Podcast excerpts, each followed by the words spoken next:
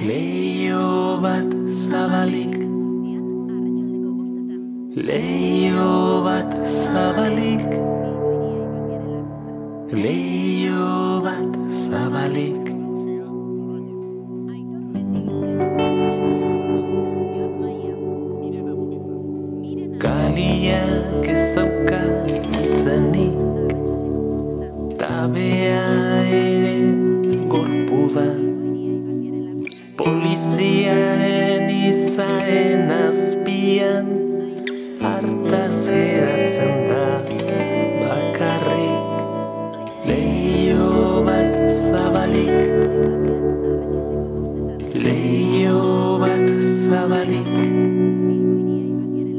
Leio bat zabalik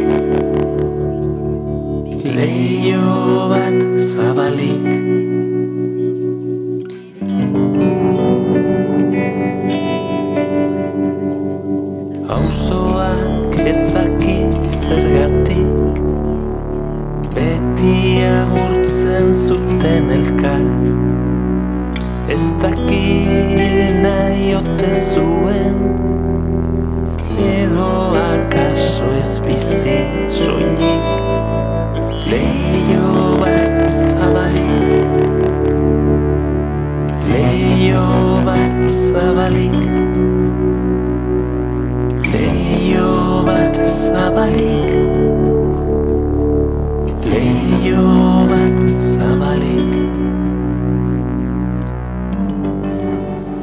Leio bat zabalik entzuten genion, Javier Muguruzari, gaur bertan Bilboko kafea antzokian aurkeztu du lan berria eta irratira gonbitea egin eta hementxe bertan dugu gurean eguerdion. Gaixo eguerdion. Bueno, e, leio bat zabalik, horrela deitzen da, amausgarren e, lana duzu eta e, za, e, kantua honek zabaltzen du e, diskoa. Eta leioa, bai. Eta leioa ere, eta... Bai, amabosgarrena, hombre, esan behar dut, e, kantautore moduan edo, Bai, zure izenarekin, nire bueno, izenakin. lanak e, e, ge- gehiago dituzu. Bai, bai, bai, askoz gehiago. E, aurrentzako lanak ere hor daude, Mhm. e, mekanizianzekin egindakoak, eta ripea, eta beste gauza asko, baina, bueno, bai, amabosgarrena. Bai, amabosgarrena nahi dut esan, Javier Muguruza bezala, Bai. eta aurrekoa esango gendun duela bi urte tonetia nahiak, ez? E, e, gutxi gora bera, ez? Baina e, disko honek badakar, e, ez dakit nobedaderik edo, ez? E, diferentea, e, ematen digu. E, Bai. Lan egiteko erak ere aukeratu dituzunak, ez dituzte helako zerikusirik aurreko lana nola egin zenuen, e, ez? Zer ikusirik beti ere badakizu hor dauden ere komposizioak, hor dago letra edo mm, estilo bat, e, interpretatzeko modu bat, hori guztia hor dago, ez?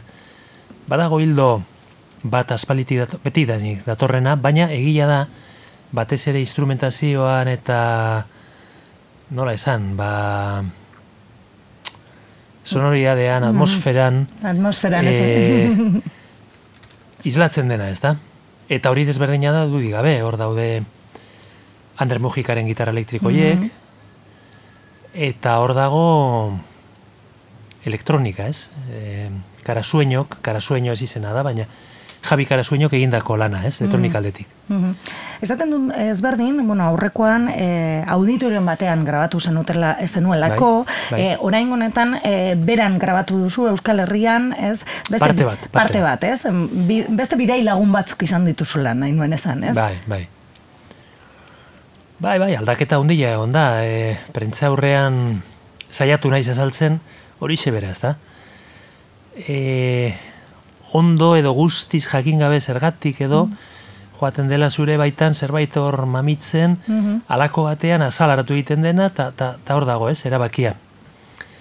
Eta erabakia izan da oso paisaje eroso batetik, edo eroso zentzu honean ere bai, eh? oso gustoran nengoen ni, e, jazz ikutuko zera hortan, e, erregistro hortan, ez da? Baina halako batean pentsatu nuen, bueno, e, atera beharra daukazu hortikan, e, Javier eta saiatu beste zerbait lantzen, desberdina, eta... Beharra, sortzaile moduan beharra zenuen, e, Bai, ez? E, bai. erosotasun horretatik, bueno, Hori da. eh, alde egiteko eta beste mm, Hori da, prentzaurren aipatu dut hori, ez, e, garik esandako zerbait, e, berrian irakurri niona, e, konforgunetik atera beharra eta hola, nik uste dut horra nintzela erdi, konforgunea, konforgunea, eta konturatu nintzen ni ere konforgune erabatekoan nengola. Beti ere musi, musikaz ari gara, eh? Bai, Gero bai, hitz bai. egingo bagenu e, gaur egun nola dagoen panorama, eta zuzenekoan eta hor konfor gutxi dago, eh? Baina, e, musikari dagokionez oso gustora eta oso eroso nengoen. Eta orduan behar hori, e, beste zerbait e, ezain atsegina sonoridade aldetik e, planteatzen, zerbait e, gogorragoa edo lakarragoa esaten nuen, ez? E, planteatu eta hortikan mhm. jo nuen bi monstru hauekin, ez? Bi elementu hauekin. E, irazoki eta Ander, ez? Ander Mujika, eta, eh, eta karasueño. Ah, eta karasueno. eta karasueño, bai. Mhm.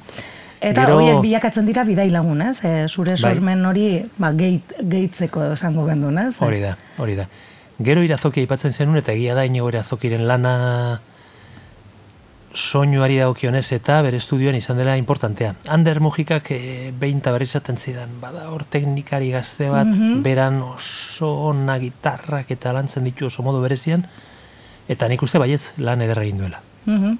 Eta Ander ezagutzen zenuen, ze izan ere, bueno, azken urteetan eh, Mikel Aspiros egin ikusi zaitu, ez? Eh, Bai. bide lagun, esango gendun. Azkeneko sei zazpi ur... Bai, bai, bai. Ez, nola heltzen zera Anderren gana? Eh, Anderrek azken urteetan lan asko egin ditu, sortzai ezberdinekin, bera ere, eh, eh, gitarra jole bezala, napoka iriarekin, Hain zuzen, eh, Napoka iriakin ezagutu nuen, ez? Napoka irian egindako lana, iruditu zitzaidan oso ederra eta oso berezia, ezta? Eta, bueno, erabaki nuenetik eh, aldaketa hori egitea eta etorri zitzaizkidan Anderren izena batetik eta gero Karasueñorena. Karasueño Anderren kasuan gehien bat Napoka iriagatik eta Karasueñoren kasuan nik ezagutzen nuen Tulsa, ez dakit ezagutzen duzun. bai, bai, bai. Eta hori ere oso gustoko, napoka iria bezala oso gustokoa dut eta bereziki azkeneko diskoan karasueñok egindako lana elektronik aldetik txundituta utzi nindun, ez? Mhm. Eta hortikan joan zen erabakia, gero beraiekin hitz egin eta adostasunak eta akordiotara llegatu eta jazta aurrera. Eta, e, bueno, elektronika hitza entzuten dugu, baina zer da e, karasuñok egin duen lana izango gendun, ez? Ander gehiago gitarretan eta suposatzen dute, ez? E, hortan e, aritu dela, Bai. eta karasuñoren lana zein izan da edo, zer eskatu diozu edo, zer lagundu dizu? Ba, hor, e, bi etapa, bi etapa barkatu nago, hau gabe, e, tokatu zita azte honetan eta hori eta nago, Bueno, ba, kantari batentzat, bueno, promozioan zaude, oraindik Hori da, kantuan. Hori da. Eta bideoa e, filmatzen kanpoan ibili gara eta nekatua gaur. Bueno, kontua da, bi fase egon direla eta lehenengo fasean beran e, inigo irazokirekin egin genuela, e, gitarren eta hori, bilatzen genuelako soinu hori, eta gero beharren fasean, fasean Karasueñok egiten du bere estudioan, landu elektronika kantu bakoitzean giro bat bilatu eta bat, atmosfera bat, eta gero nahasketak ere berak egin zituen. Mhm. Orduan, bueno, ezagututa bere lana eta hori nik banituen bere referentzia, baina gero nik banekien ze bilatzen ari nintzen. Orduan horregon, bere, esan nahi dut, karasueñoren diskoa izan balitz, Mhm. elektronika gehiago egongo zen. Eta neria, beti ere, ba, soiltasun bat, e, Ba, eske ele- elektronika hitza entzun, eta, bueno, ba, agian entzulen batek pentsatzen du guztiz aldatu duzula ez, estilos edo ez dakit, ez? Ez, ez. E, bueno, eman dio beste lanketa bat, ez, e, kantuei. Baina aldaketa badago, ez? Mm. Momentu zentzun dutenek esaten diate, jo, eh, nahiko harrituta gelitu gara, taula, eh? Mhm. Ondo badiritzo zu ere entzuleari plazer hori eskainiko diogu eta beste Ba. kantu bat eh, entzungo dugu. E, ez, ez aite po, e, gustatzen poesia e, aukeratu dugu. Bai. Lurde soña ederraren e, letrarek, letra duena. Bai, eta gainera, ari ginen e, tulsari buruz eta, eta hain zuzen, kanta hontan dago Miren Izaren kantariaren Ezken egien miren izazen edo mireia. Ez, ez, ez, ez. Eh, miren da, ez? Kan- Mireia da koroak eta egiten dituena, Mhm. nirekin aspalditik, eta Bai. gero miren iza da tulsako Tulsako kantaria, abeslaria, eta- gonbidatua. Mhm. Eta kantu honetan eh, entzuten Hori. duguna hotz hori be- eh, berea da, ez? Hori da, hori. Bueno, ba, entzun egingo dut- dugu eh, Javier Muguruzaren, ez zait eh, poe, eh, gustatzen poesia.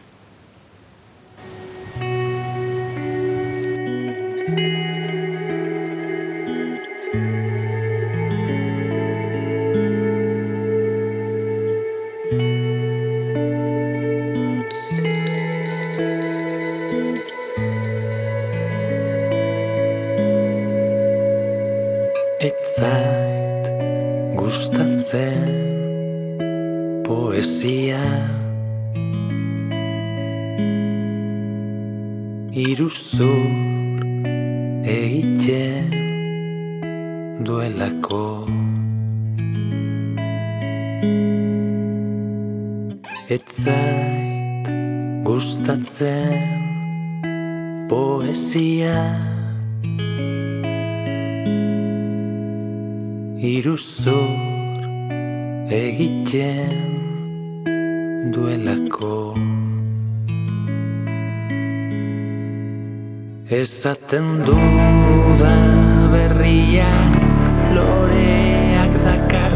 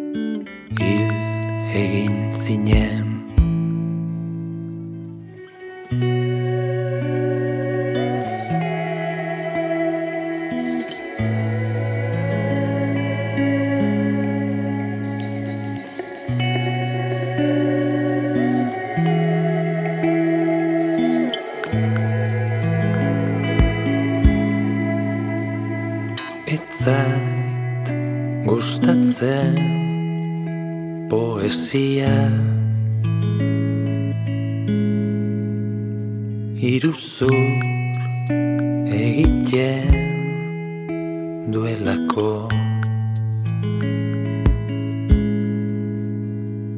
Ez zait gustatzen poesia. Iruzur egiten duelako. Esaten du neskak larroxa direla edo lili loreak. Baina bakigu ez garela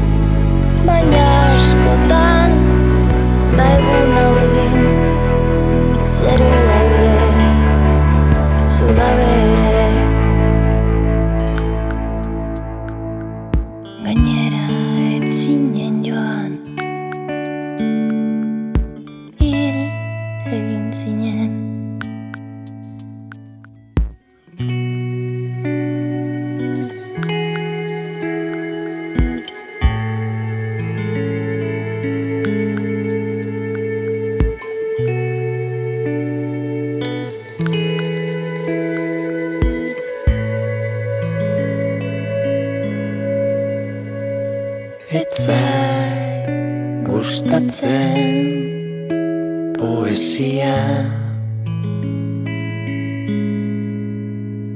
Ezinak itzez mozorrotzen dituelako. Etzait gustatzen poesia Ezinak itzez mozorrotzen dituelako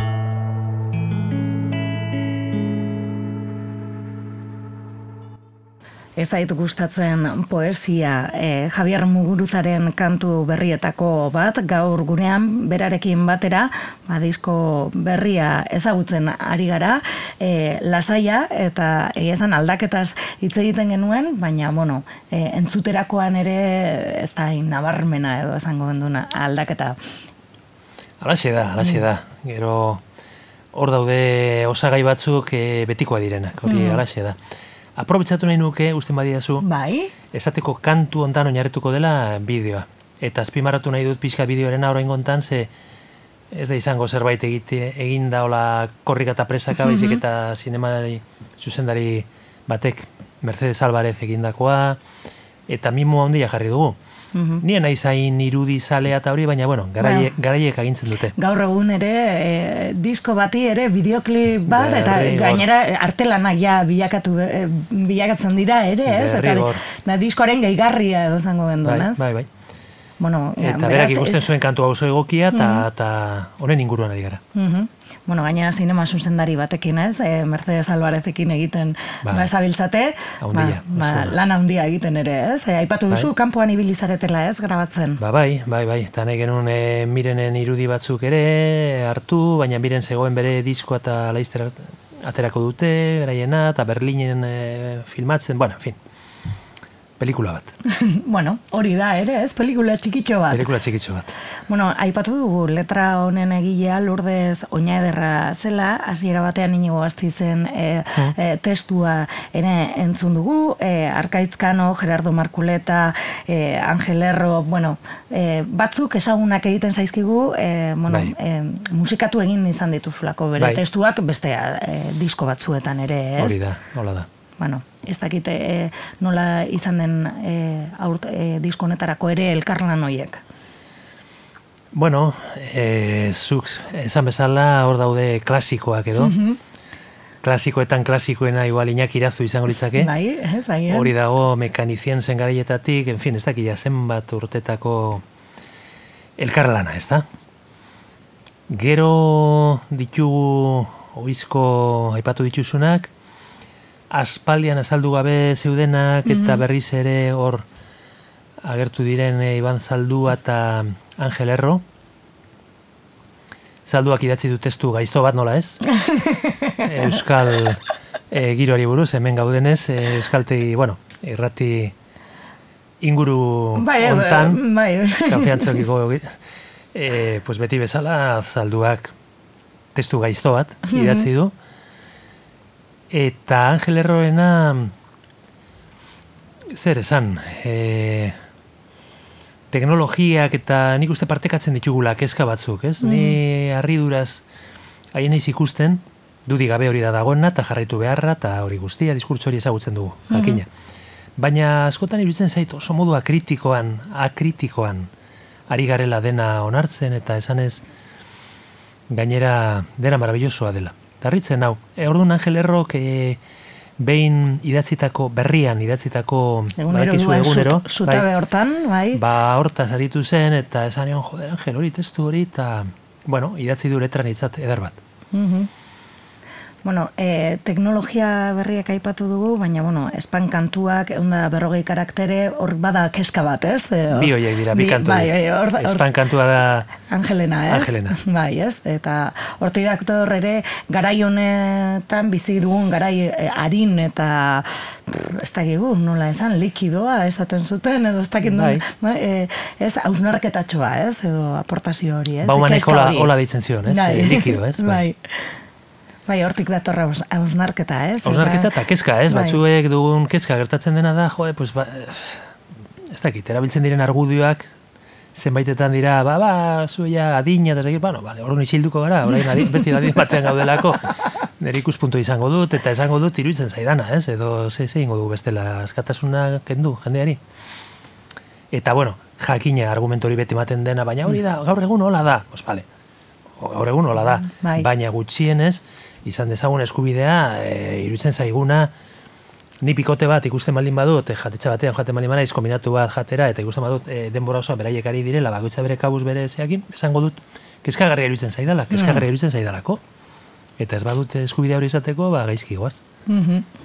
Bueno, e, diskoa behin plazaratuta, laster, ba, oholtzara, ez? E, bideoklipa Bai. egin eta oholtzara zuzenean aurkestera. E, em, zuzeneko e, ze banda osatuko duzu? E, nola joango zara? Nor, nork lagunduko zaitu?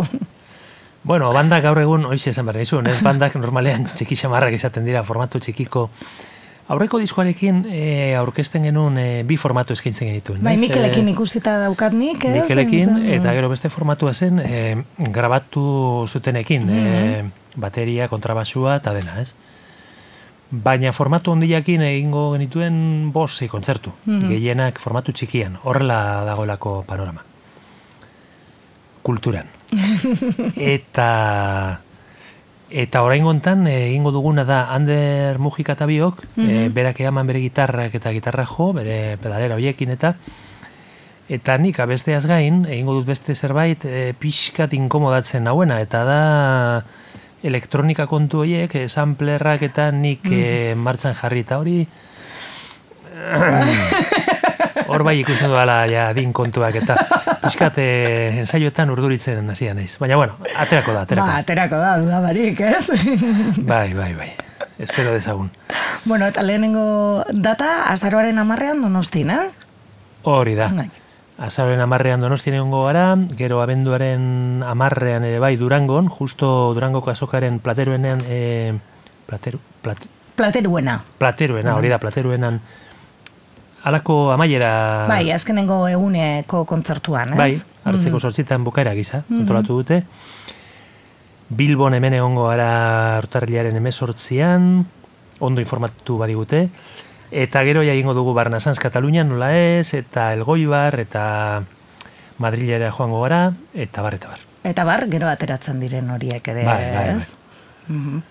Bueno, e, ba, bukatzen joateko, e, ordubiak laster dira eta e, gu ere saio agurtu behar dugulako, ba, bueno, entzun ditu bi kantu, esan den zenuen, ba, justu aukeratu ditugunak agian, e, ba, ez ilune, letra iluna edo, baina, bueno, beste bat, beste aldarte bat dakarrena ere aukeratu dugu, eta lehen aipatu dugu horietako bat da, ez? Egun da berrogei karaktere e, padronen e, kantua.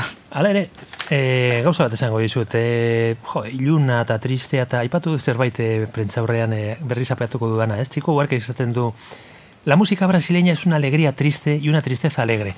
Eta e, nik enok esango disko triste atera denik, iruditzen zait testu batzuk dudi gabe, nola aukatuko dut hori, badutela ikutu...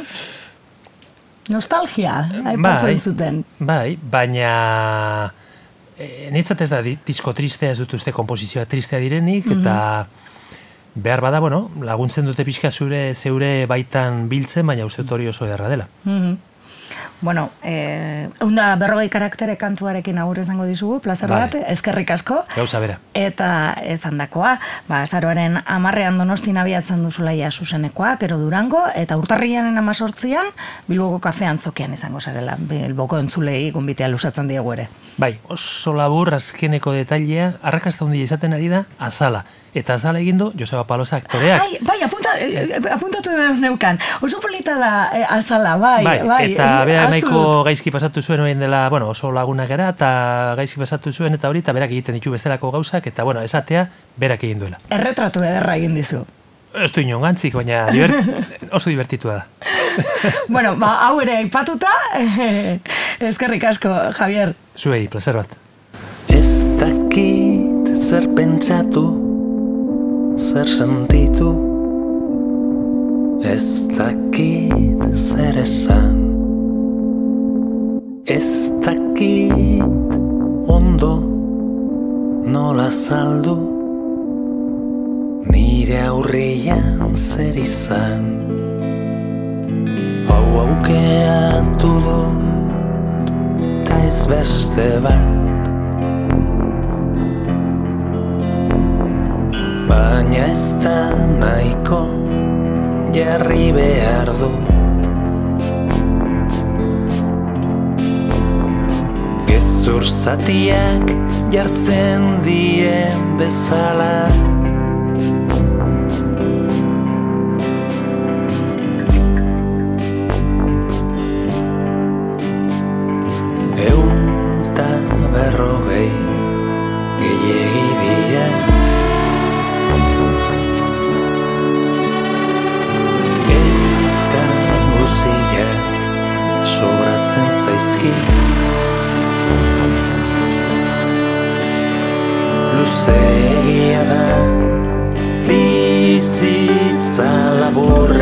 laburregia da Luzegia da Bizitza laburregia da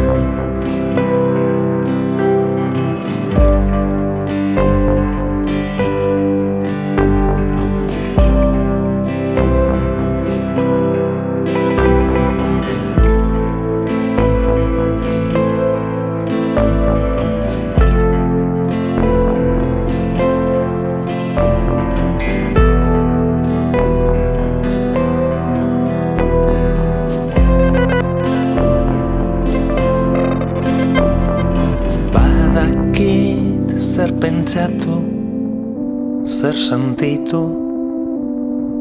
Badakit zer esan. Badakit ondo nola zaldu Zure aurrian zer izan. Hau aukeratu dut Tez beste bat